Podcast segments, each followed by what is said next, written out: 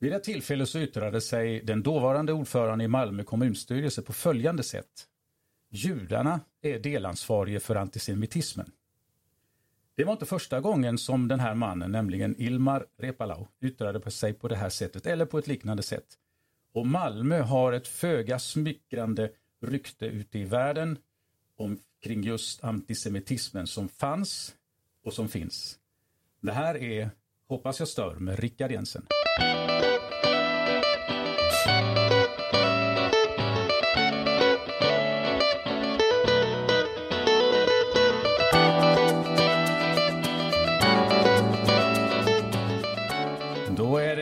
vecka och det betyder att vi har ett helt avsnitt och ni är så välkomna att vara med oss den här dagen. Jag heter alltså Rickard Jensen och podden heter Hoppas jag stör. Nu sitter jag inte ensam. Jag sitter förresten på Borgarskolan och spelar in det här avsnittet. Och jag sitter inte ensam utan med mig i det som är skolans musiksal så har jag två stycken gäster vilket jag tycker är riktigt, riktigt roligt. Till vänster om mig, det ser ju inte du som lyssnar, men jag säger det. Till vänster om mig har jag en ung tjej, kvinna, och till höger har jag en något äldre kille, man. Och ni är så välkomna. Ska ni säga vad ni heter och berätta lite grann? Säg era namn först är ni snälla. Eh, tack så jättemycket för att jag får vara här. Mitt namn är Mira Kelleberg. Och till höger, som då är mannen alltså? Ja, och jag tackar också för att uh, ha fått den här inbjudan och mitt namn är Peter Wig. Och då kommer vi till åldersfrågan. Hur gammal är du Mira? Jag är 21. Du är 21. Det har vi också varit Peter, men ja. hur gammal är du nu? Ja, hur gammal är jag nu? Jag fyller väl eh, 68 tror jag i juni mm. det här året. Ja. Visst känns det lite mindre viktigt att hålla reda på de här åren nu när man har kommit över ja, vissa absolut, gränser? absolut. Jag känner mig inte mycket äldre än vad Mira är. ja, jag, jag, kommer ihåg, jag, jag kommer ihåg när jag var 21 för då gifte jag mig.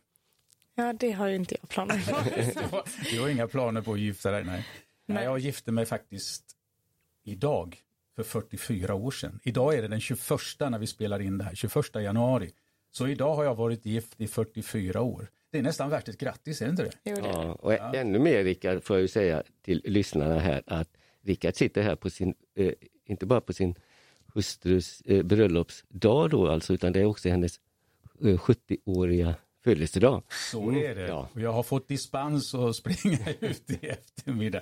Hon, hon, hon, insåg det omöjliga att jag skulle kunna vara på två platser samtidigt. Så att jag fick, eh, jag fick be om dispens helt enkelt för att kunna vara med och, och spela in den här.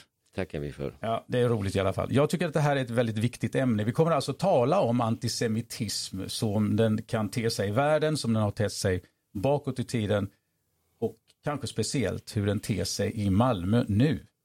Och eh, hur skulle, hur, om, om, jag, om jag skulle be er att definiera ordet antisemitism, kommer svår fråga. Antisemitism för någon som inte har en aning om vad det är. Hur beskriver man då antisemitism? Vem vill börja? Mm. Uh, jag tänker att en definition skulle vara judehat. Judehat säger Mira. Vad säger du Peter? Ja, det är väl kort vad det handlar om. Att man helt enkelt hatar någon för att de är judar helt enkelt. Mm. Mm. Så. Tror ni, om, eh, om jag följer upp den frågan, tror ni att alla, låt oss säga den yngre generationen som växer upp nu i våra skolor, både du och jag Peter jobbar ju i skola, tror ni att de har klart för sig antisemitism, vad det är, vad det betyder och sådär? Nej, alltså jag vet inte. Alltså det är ju ett ganska svårt ord och jag själv lärde, det, lärde mig det eftersom att det var någonting jag var tvungen att känna till. Eh, men jag tror inte att när jag var yngre att eh, min omgivning visste att antisemitism just var judehat förrän jag egentligen förklarade det.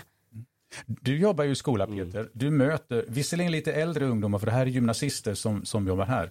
Men vad är din uppfattning? Vet ungdomar vad antisemitism betyder, vad det står för? Eh, ibland gör de inte, verkligen inte det. De, de förstår inte att vissa uttryck, inte minst, eh, har eh, en, en, en, betydelse ut, som får, får, får konsekvensen utav det du säger, det är att du, du, du, ger, du ringaktar, för, du ger en föraktande attityd, en hatfull kanske attityd gentemot judar. Eh, det kan, kanske du inte tänker på, men så är det. Eh, när du till exempel säger, eh, eh, men var inte en sån jude. Och då menar du till en kompis att den eh, har gjort någonting som dumt eller någon, den har varit snål eller inte velat vara dig till viljes eller olika. Du använder alltså ett, ett eh, ordet jude nedsättande eh, sammanhang. Mm. Du klistrar på ett uttryck på, utan att kanske veta var det kommer ifrån. Yeah, mm. Ja, precis. Tror ni att det finns i den här omedvetna, om jag får kalla det antisemitismen, eh, är den utbredd?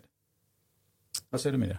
Eh, ja, jag tycker ju att eh, de här, eh, som Peter lite grann var inne på, de här uttrycken som, eller som man väljer att uttrycka sig i. På, på något sätt kan det vara omedvetet för att man förstår egentligen inte sammanhanget eller hur det tar skada. Men eh, ibland så vet man ju också mycket väl eller känner mycket väl till historien och var det kommer ifrån men ändå väljer att eh, uttrycka sig på det viset. Så jag tror att det är en blandning egentligen. Mm. Jag hade, när vi pratade Peter och jag så, så, eh, så frågade jag, du ska vi ha någon undertitel på det här? Jag hade tänkt en undertitel den är så här, se hur ni reagerar. Mm. Är det svårt att vara jude? Antisemitism, är det svårt att vara jude? Alltså jag skulle ju säga att det är ju svårt att jämföra med något annat eftersom att jag bara har varit jude. Så att du har aldrig varit annat än jude. Exakt, så jag vet ju egentligen inte det. Ja. Men vad, vad, säger du Peter, är det svårt att vara jude? Du har ju mer erfarenhet, du har en lite större ryggsäck och den är lite mer välfylld med olika erfarenheter och upplevelser än Mira har. Vad, vad säger du, är det svårt att vara jude? Du har inte varit något annat än jude heller, men du har mer i backspegeln. Mm. Eh, ja, det, det både och. Alltså det, det är en, en, en fröjd och en glädje att, vara jude. Men ja, det är också en svårighet i, i ett samhälle där man befinner sig i minoritet som vi ju har gjort genom årtusendena. Eh, så att ja, det finns som sagt både glädje och svårigheter.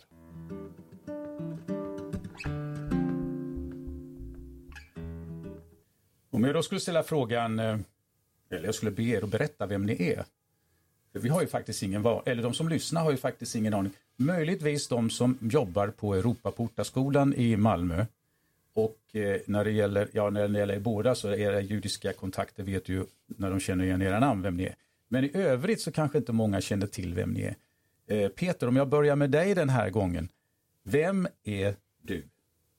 Förutom ja. ditt namn.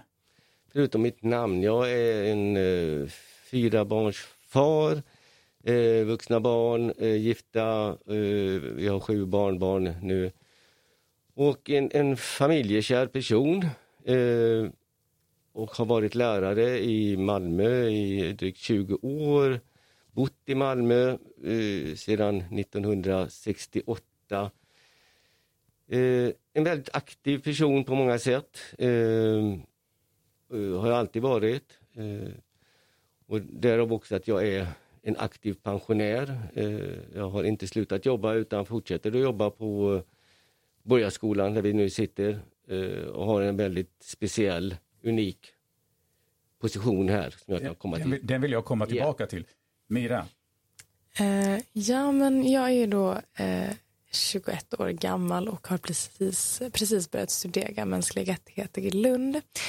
Min eh, bakgrund ser ut som så att jag är ifrån Malmö, växt här och um, har liksom uppväxt från, eller kommer ifrån judiska traditioner hemifrån och har också även fått ganska mycket plats i media på senare dag och um, eh, fått möjligheten att uttrycka mig om hur jag upplever unga situationer i Malmö eller som, som utifrån ett judiskt perspektiv. Um, pratar mycket om antisemitism i Malmö men också generellt egentligen. Och eh, vikten av att prata om förintelsen. Får jag testa era kunskaper när det gäller judendomen i Sverige? Ja. Kan ni den? Ja, det, tyck- Vi får det se. tror jag faktiskt. Vet ni, för här kommer en fråga som går långt tillbaka.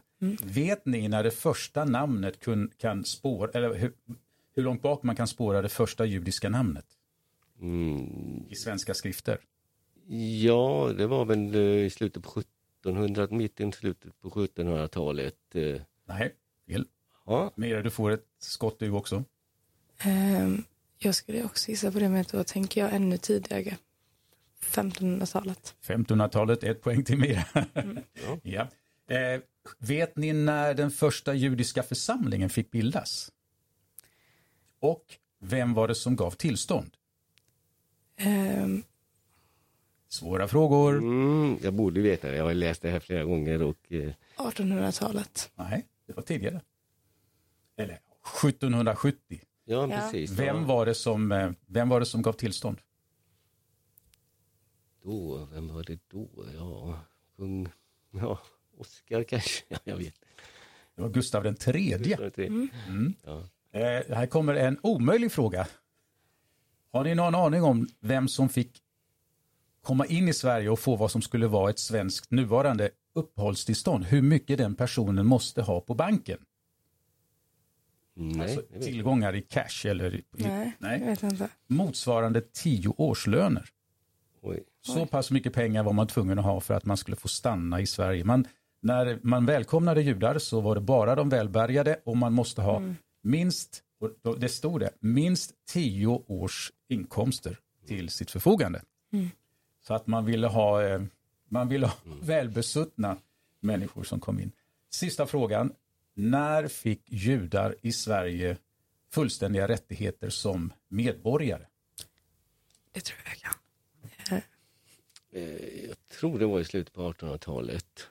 Mm, det är bra. 1870. Ja, det skulle jag faktiskt gissa på. Ja. Och det, jag tyck, när jag läste det här, när jag läste in mig på det här ämnet så tyckte jag, jag blev chockerad. Att det är så pass sent. Alltså om man tänker full, och det var, då, det var det ordalaget som man hade, ordvalet som man hade. 1870 blev, fick eh, judar i, i Sverige, inte bara i Malmö utan i Sverige. Eh, jag kan väl säga det också, att först fick man bara bo i Stockholm. Mm. Men då fick man, 1870 fick man fullständiga rättigheter som medborgare i Sveriges rike. Väldigt sent. Och vi går inte in på detaljer för det finns de där som man idag tycker jag, åtminstone jag, jag är säker på att, att många som lyssnar också gör, man tar sig för pannan när man ser de villkor som sattes upp. Och, eh, ja, vi behöver inte gå in på det mer. Eh, Malmö, eh, antisemitism i Malmö, om man går in på den biten, vi kommer säkert att gå lite bak och fram här när det gäller antisemitismen. Vad är er upplevelse av den? Du är 21, du är 68. Är du född i, eller är du, har du tillbringat den största delen av din, ditt liv här i Malmö? Jag har tillbringat den största delen, absolut, eh, här i Malmö. Ja. Vad är er upplevelse? För den kan ju te sig ganska 55, olika. 55 år ungefär. Ja. Hur, hur upplever du, om du tittar bakåt lite grann Mm. och så jämför du med hur den, hur den såg ut idag, eller hur den ser ut idag? Ja, det är stor skillnad. Eh, Sverige ser ju väldigt annorlunda ut eh, befolkningsmässigt om man jämför med hur det såg ut eh, när jag var i Miras ålder och, och lite yngre eh, på eh, 60-talet och 70-talet. Och förklara gärna för oss, hur, hur ser den annorlunda ut?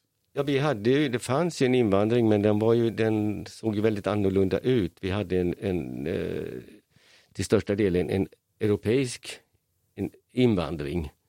Eh, dels från närområdet, eh, Finland eh, och Danmark inte minst. Och sen eh, från Europa. Och, och sedan på eh, 70-talet eh, eh, så fick vi ju en, en och 80-talet så fick vi en betydligt större invandring från andra delar utav världen. Eh, och det påverkade också mycket eh, den antisemitismen. Förklara bara kort, hur, hur, hur, vad, blev det bättre eller blev det sämre? Eh, det, blev, eh, det blev mycket sämre. Jag kommer tillbaka till detta. Påminn mig om jag skulle glömma bort det. Vad är din erfarenhet av antisemitismen? För du umgås ju med ett helt an, en helt annan åldersgrupp för det mesta skulle jag tänka mig.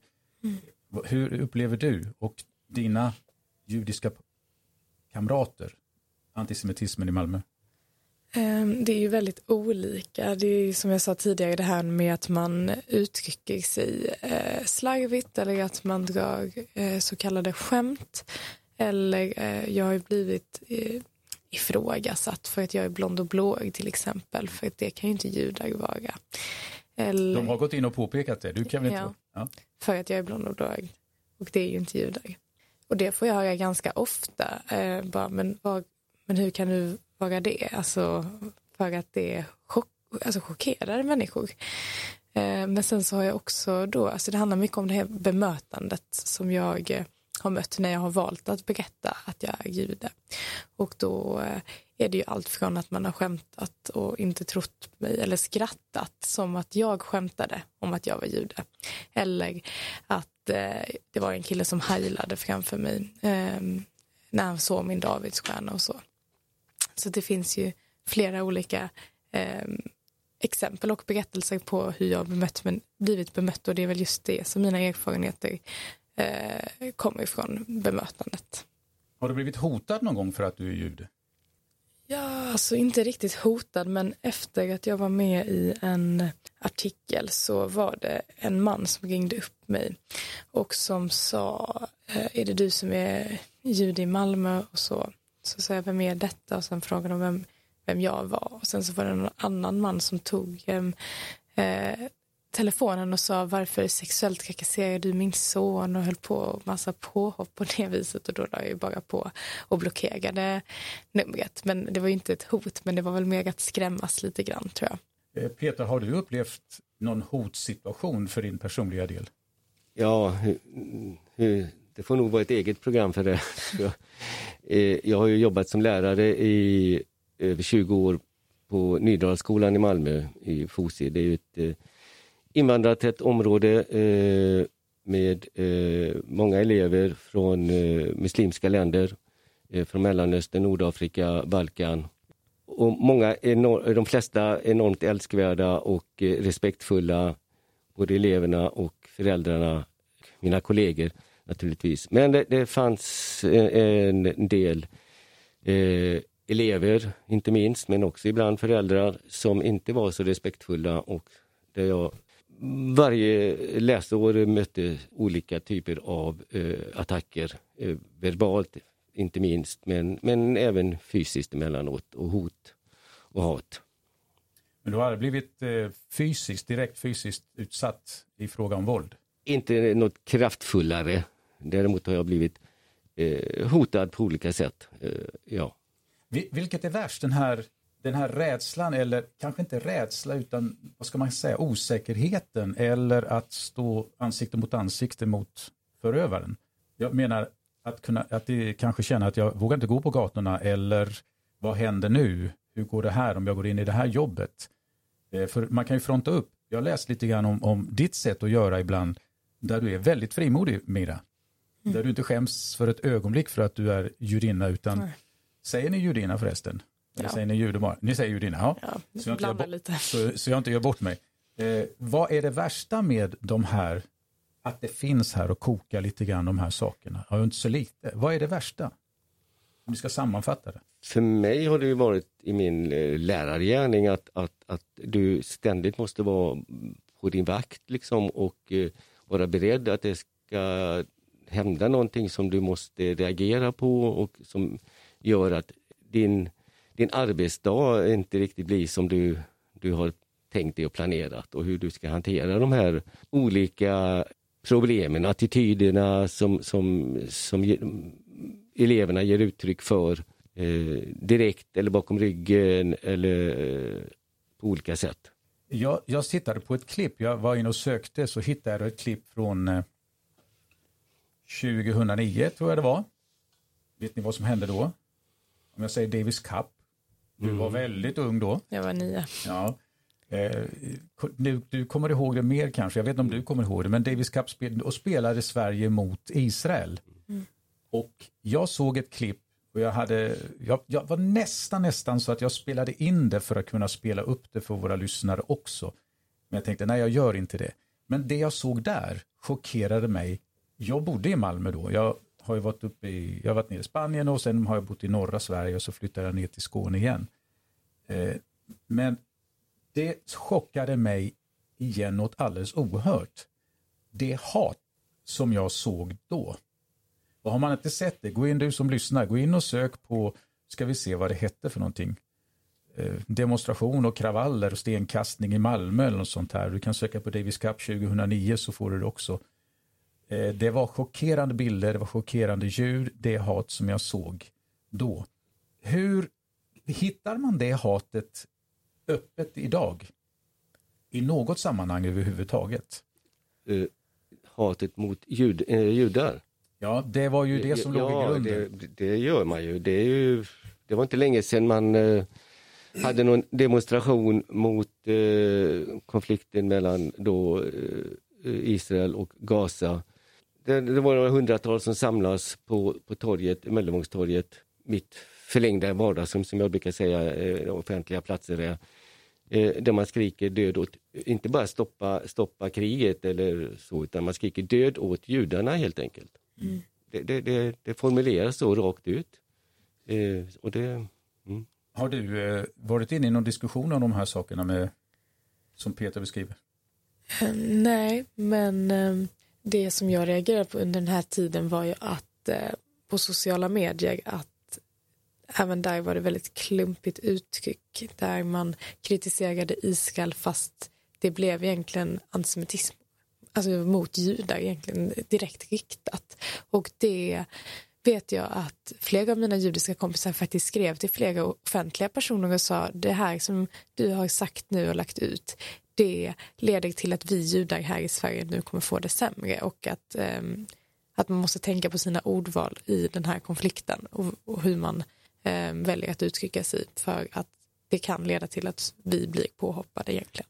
vem var det som hade lagt ut det sa du? det var till... flera olika eh, offentliga personer som under den här tiden. I Sverige? Ja, ja. precis. Eh, man kunde se ganska mycket av eh, alltså Israel-kritik som blev judehat. Det var det. Har människor svårt för att skilja eh, kritiken av staten Israel ifrån den enskilda juden i Sverige? Jag, jag tycker ju det. Jag får ju alltid frågan vad jag tycker om Israel-Palestina-konflikten till exempel. Och vad svarar du då? Att jag har ingenting med det att göra. Jag kan inte ens på, på, eh, påverka så mycket i mitt egna medborgarsland så hur skulle jag kunna stå till svars för den konflikten? Eller varför förväntas jag ta en ställning? Um, och det gör, eller jag upplever att jag förväntas uh, ha en åsikt om konflikten. Vad säger du Peter?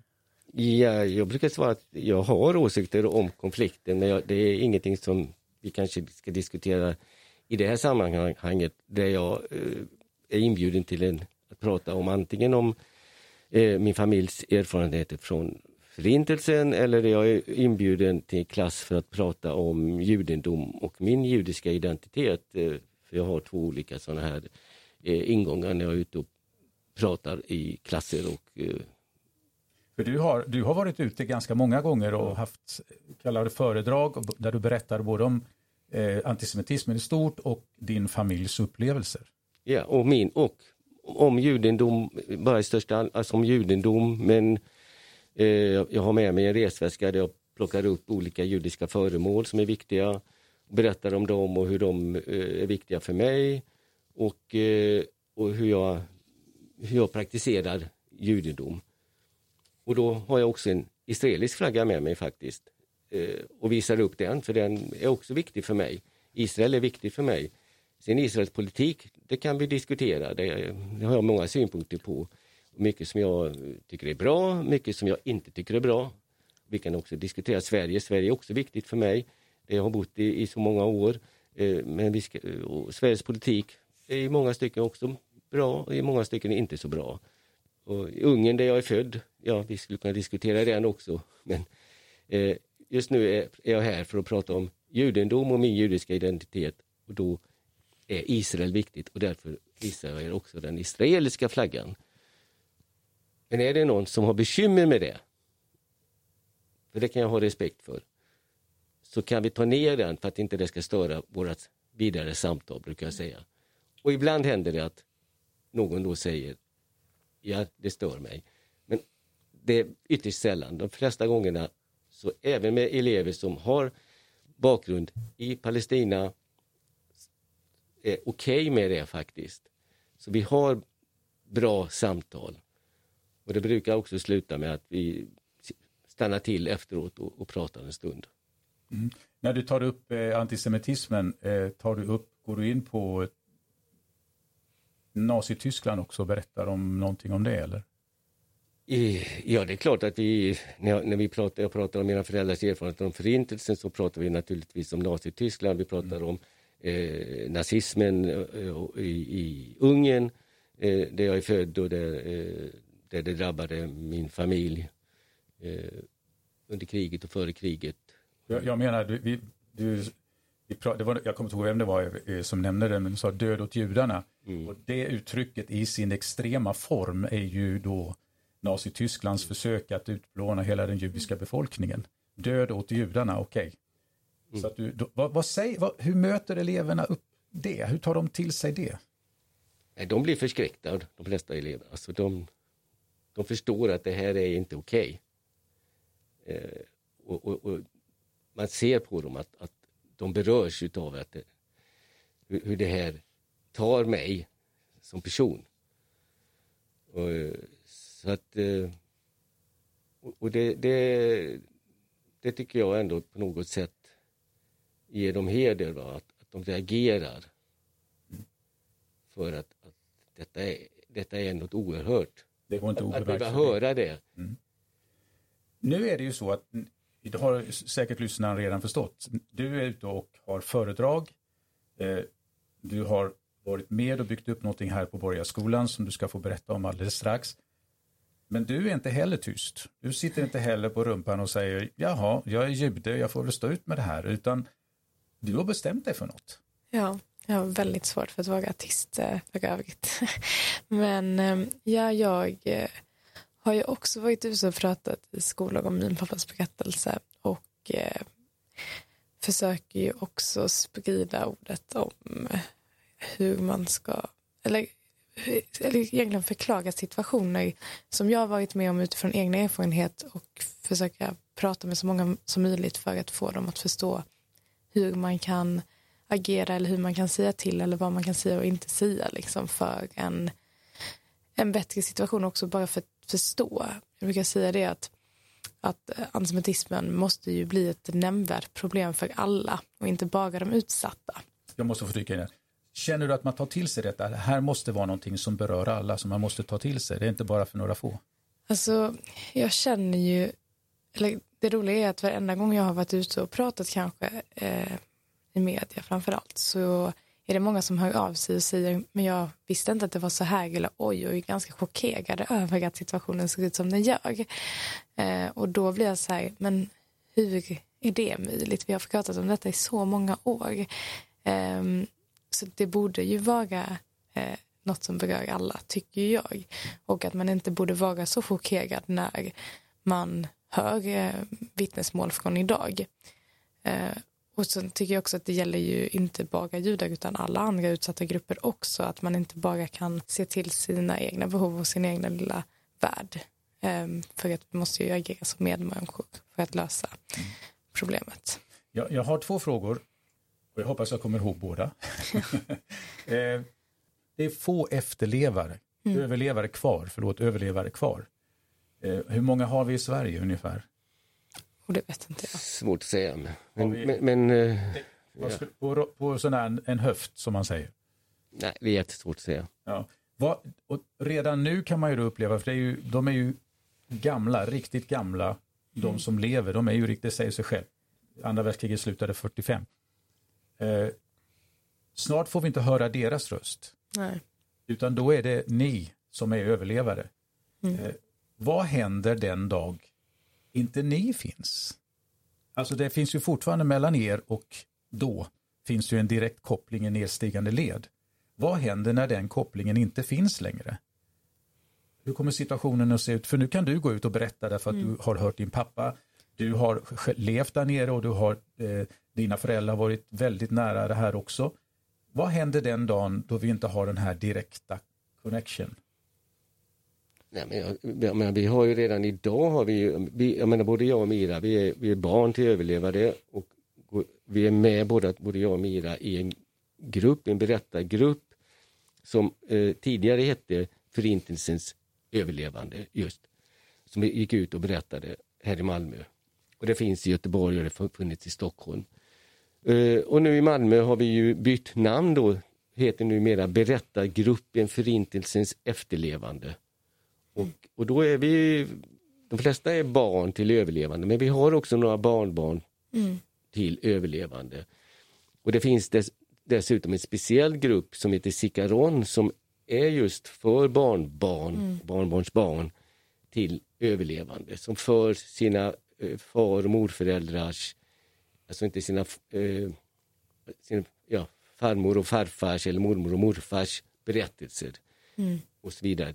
Så att det kommer att, leva vidare berättelserna men det är klart att det blir det är annorlunda att inte ha det i, först, i första hand men det blir ändå starka berättelser. Jag upplever mm. att, att när jag är ute och, och berättar så, så, är det starka möten som jag har med eleverna. Det, det, de berörs och, och, det, känns, det känns fint när, när, när eh, det är slut vi, vi skiljs åt.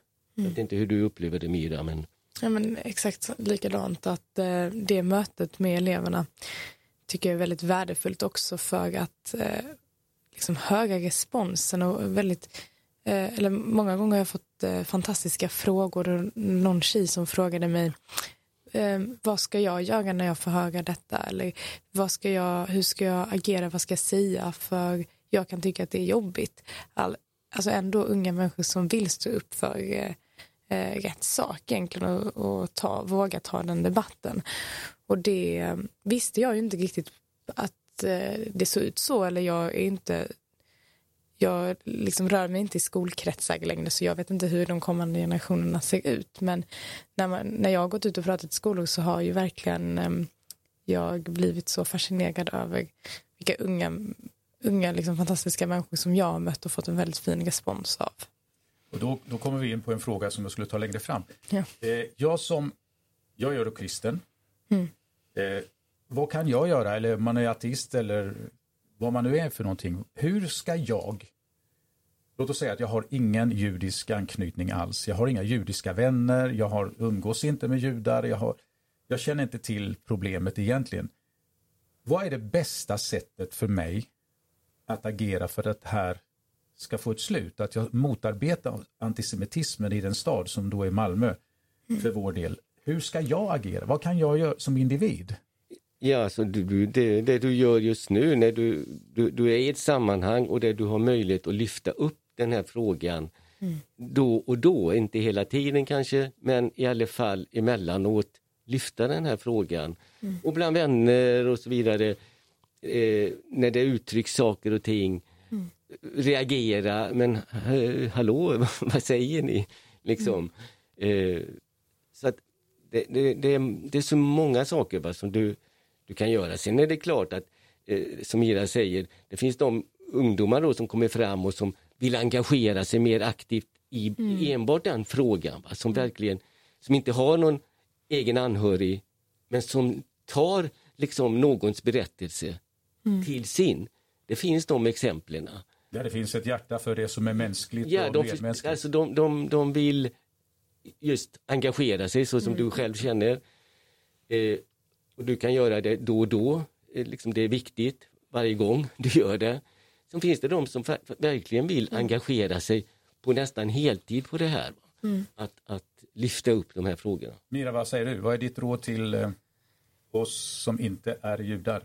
Ja, men jag eh, tänker att eh, om man hör något eh, antisemitiskt eller något fördomsfullt eller vad det nu kan vara som man känner, bara, men det här är nog inte riktigt rätt. Att nu är kanske inte detta jättelätt för alla, men det som jag hade önskat är att man bara frågar, vad menar du?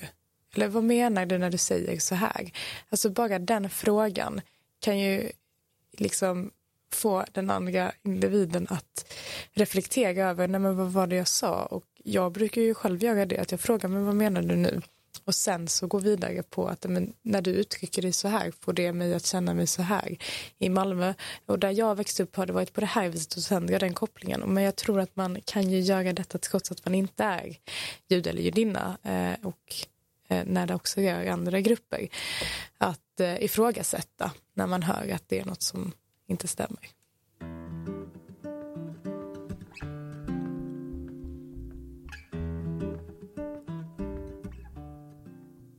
Okej, då kommer den här frågan. Den, den, när det här får vingar och flyger ut i hörlurarna på Malmös och Sveriges eh, lyssnare, på pod, podcastlyssnare, så är det den 27 januari. Mm. Och det är ju en mycket speciell dag. Ja. Mira, vad är det? Det är Förintelsens minnesdag. Internationellt till och med. Peter, varför har man en sån dag? Eh, ja, det, varför man har en sån det, det får man faktiskt tacka eh, våran gamle före detta statsminister Göran Persson som eh, uppmärksammade det här eh, för 20 år sedan. Och eh, 27 januari var eh, dagen då de ryska trupperna nådde fram till Auschwitz och eh, ja, befriade eh, de fåtal som var kvar, hade lämnats kvar då. Eh, huvuddelen av de som levde eh, i januari 45, 60 000, ungefär 60 000 hade tvingats därifrån tio dagar tidigare.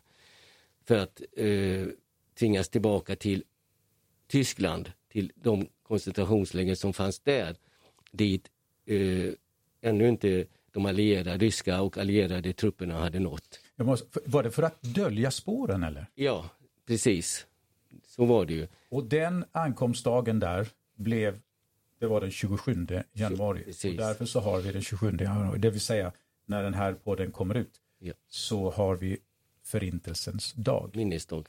Mm. Hur tycker ni att skolorna skulle uppmärksamma det här? Nu hinner de inte göra det den här gången om de lyssnar nu och inte har gjort något. Men om ni fick önska, mm. hur skulle den 27 januari 2000, nu måste man tänka efter, 2023. Hur skulle engagemanget i skolorna se ut då? Vad skulle rektorn på skolan ta för beslut? Mira, du, har, du ligger närmast att själv vara elev. Jag tycker att, eh, eller under mina skolor så tycker jag inte att det ens har uppmärksammat alls och det är väl det jag hade önskat, att man faktiskt pratar om det på en avlektion, eller en gång under dagen att man berättar att det här är ju Förintelsens minnesdag och berättar om varför. Och kanske bara berätta det som Peter precis sa och berätta om eh, de sex miljoner judar som dog men också romer, homosexuella och funktionsnedsatta. Att man pratar om vad som hände och kanske varför det hände. Du har lyft fram i olika sammanhang just det här att det var inte bara judar utan det var det är många ja. andra företeelser ja. och hemskheter som man skulle behöva lyfta fram i det här men det är väldigt viktigt för att, att, eh, att jag tänker att romer också är, det här är också deras dag för att det var också de som dog. Att eh, bara för att det hände något illa för judarna betyder det inte det att det inte hände för romerna och därför ser jag det också liksom för eh, alla de som blev mördade under den här tiden, inte bara judarna, men jag kan koppla det till judarna för att jag är judinna och för att min pappa överlevde. Men jag tycker också att det är viktigt att man pratar på Förintelsens minnesdag om romerna och om de homosexuella och de funktionsnedsatta som också blev mördade. För det betyder ju inte att, alltså genom att exkludera dem betyder inte det att det blir bättre för oss judar eller hur vice versa, utan jag tror bara att det är väldigt viktigt att man får, att man nämner det också och kommer ihåg att detta är ju också deras dag. Ditt råd till, till alla rektorer som råkar lyssna just nu, vad gör de den 27 januari 2020? Nej, men jag tycker Mira har en viktig poäng där. Va? Det, det är just det här att lyfta fram eh, hat och, och, och, och för, när, när, fördomar övergår, inte bara till, när det blir, för, övergår till hat. Mm. Vad, vad, kan det, och det är oavsett vilken grupp det handlar om. För det är inte bara, som, som Mira säger här, det är inte bara judar som utsätts. Då var det judar till stor del, men också romer, mm. men också, också människor av, and, av, av, bara för att de tillhörde en, en, en, en nation, ett mm. land, räckte ju. För att det var ju man nu hade, det var många polacker som inte var judar som också eh, blev enormt eh, illa utsatta. Mm. Till exempel. Va? På ett annat sätt än vad judarna gjorde och, och romerna kanske, det var mer individuellt inriktat där. In, inte så att det drabbade alltid hela familjer och så vidare, även om det också gjorde det. Så att, att man har uppmärksammar den dagen, eh, det är viktigt eh, tycker jag, på olika sätt, absolut. Jag var inne på, eh, om vi går vidare, jag var inne på eh, Malmö hemsida och läste, jag läste inte allt, men jag sökte ganska mycket eh, informationen som bland annat hittade jag dig där. Jag visste att du fanns innan. jag, jag, sökte dig där och såg, eh, vi kommer tillbaka till, påminn mig om Elsa. Ja. om jag skulle glömma bort henne. Då såg jag att det fanns ganska mycket på Malmö hemsida och om jag får tolka, om jag får lägga ihop olika delar, så tycker jag mig se att det som hände 2009 mm. fick en effekt på Malmö kommun och det som nu är deras hemsida och deras inställning och agerande när det gäller antisemitismen. Övertolkar jag i positiv riktning eller vad, vad, tycker ni själva? För det hade inte varit så där självklart tidigare. Man brukar säga att 1990, om jag inte minns fel, så, så började antisemitismen att öka. Eh, 2009 kom det här, hans uttalande. Och sen blev det ju ett sammanträde direkt efter detta. Mm. Och utifrån det, alltså ett klumpigt uttalande, så blev det, vågar jag säga, bättre. Har jag fel? Ja, alltså jag vet inte om... Eh, det du nu berättar om ett sammanträde direkt efter har jag inget minne av, men jag vet ju att det blev betydligt bättre några år senare när jag själv började engagera mig mer aktivt kring det här och, och eh, bland annat organiserade en eh, stor kippavandring. Eh, som var... var du den första som, som... Nej, jag var absolut inte den första. Nej. Jag ska inte ta, alls ta åt mig den äran. Eh, utan det var en, en, eh, en judisk man i, i judiska församlingen, eh, Joshua Kaufman, som var den som kom med idén för många år sedan och som var med och startade några mindre kippavandringar. Eh, 2014 så, så var jag tillsammans med Sofia Nerbrand med och startade och, och organiserade en stor kippavandring. Av ett, då var det den tragiska händelsen när, när eh, eh, när säkerhetsvakten i, i Danmark eh, blev skjuten eh, utanför synagogan, eh, Dan Uzan. Och, och det hade varit många händelser, den Chabad-ravinen som finns i Malmö, eh, Schnokesseman hade utsatts mycket. Så vi, vi ordnade en, en kippavandring som fick stor tillströmning.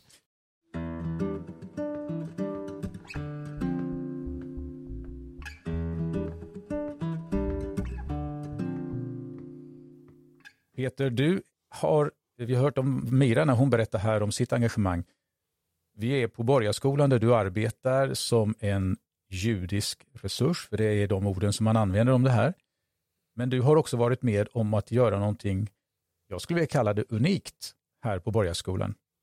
Kan du ja. berätta vad du, vad du har gjort? Ja, alltså jag är inte ensam om det här. Det här är ju en idé som, som rektorn Martin Roth eh, hade eh, ungefär samtidigt som jag började här 2019 hösten att eh, på något sätt lyfta upp det faktum att Malmö borgarskola eh, i april 1945, eh, 26 april, eh, mitt i slutet, eller slutet på terminen där, gjordes om till ett reservsjukhus för eh, räddade flyktingar från koncentrationsläger i Tyskland som kom med vita eh, bussarna först och sen med det som kallades för vita båtarna eh, hit. Och vi har, det var tusen personer, lite drygt, som under sommarmånaderna kommer att vara patienter här på det som var reservsjukhuset på Borgaskolan. Och vi har gjort en permanent utställning om dem. Jag har ju sett den där utställningen. Hur, hur ska ni låta den komma allmänheten till del? För nu är det mest, om jag förstår det rätt, så är det mest eleverna som har tillgång till den. Ja, och alltså ett, precis. något enstaka besök. Ja, tanken var ju det, nu, nu kom ju pandemin emellan här då, så att eh, tanken med den är ju att den ska vara öppen även för allmänheten, att man ska kunna komma in, anmäla sig i receptionen eller föranmäla sig om man vill ha en visning. Och jag kan till att börja med, om ingen annan blir så att säga, eh, kommer att göra det, att, Så är det du som är guiden. så kommer jag att vara guiden till precis. Jag, jag, jag kan ju bara dela, du som lyssnar, att jag kan bara dela den känslan jag har att man blir, för att använda ett slitet uttryck, man blir tagen när man ser och lyssnar, ser utställningen och lyssnar till det Peter har att berätta. Ja, mina vänner, även en intervju i form av en podcast kommer till ett slut. Har ni haft det bra? Jättebra. Vad ska man säga annars? Ja. Vi kan väl berätta också för dig som lyssnar att eh, hela mekanismen här, alltså inspelningsapparaten, eh, den frös. Eh, jag vet inte om du upptäckte var det var någonstans, för när du har lyssnat på den här, då har vi gått in och mixat och donat för att få till det på ett bra sätt. Har ni några avslutningsord, Peter och Mira, innan vi spelar av signaturen här? Ehm, jag skulle vilja säga då att, ehm, att tänk på vart hatet kommer ifrån på Förintelsens minnesdag, alltså idag. Och, ehm, och mitt tips är att om man möter någonting rasistiskt eller antisemitiskt eller vad det nu är, så fråga. Vad menar du? Det är frågan som vi bär med oss. Vad menar du? Ja. Peter, har du något avslutningsord? Nej, men det är eh, i samma riktning som, som, som Mira, att stå upp i, i vardagen eh, för när, när du möter hat, vart det än riktas mot. Eh, om det är mot judar, mot romer, mot svarta, mot muslimer, eh, mot människor med annan sexuell läggning och så vidare. Eller man kommer med olika etnicitet och bakgrund stå upp, och som Emira säger, fråga vad, hur, hur tänkte du här? Hur- Vänta, vänta lite. Att Bromsa upp samtalet lite grann och visa att det här, det här känns inte okej, det du säger. Man måste vara vaksam mot sig själv hela tiden också. Det är inte bara mot andra. De egna fördomarna Du kanske? måste vara vaksam Ja. mot dig själv också, vad du säger. Eh, rannsaka dig själv. Vad tycker du i olika frågor? Det kommer osökt ett uttryck till mig. Våga, våga vägra hata. Mm, Ja, Tack Mira och Tack tack. Peter. tack.